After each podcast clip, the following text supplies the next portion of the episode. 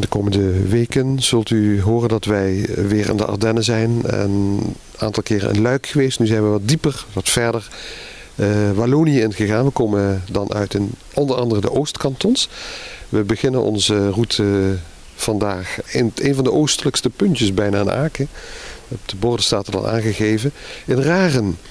En uh, we staan hier bij mevrouw Homs, die kan ons zo meteen rondleiden.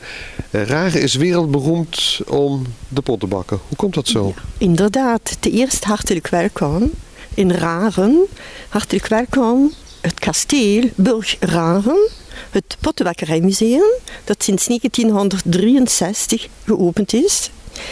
En uh, Raren is bekend, de bloeitijd was feitelijk van rond 1520 tot rond 1620. Dus tot in de 15e eeuw leefden de mensen hier een, een, een heel eenvoudig, een autarkisch leven. Het is pas daarna dat de pottenbakkerij zijn eigen zo ontwikkelde dat ze voor iedereen voedsel en werk natuurlijk.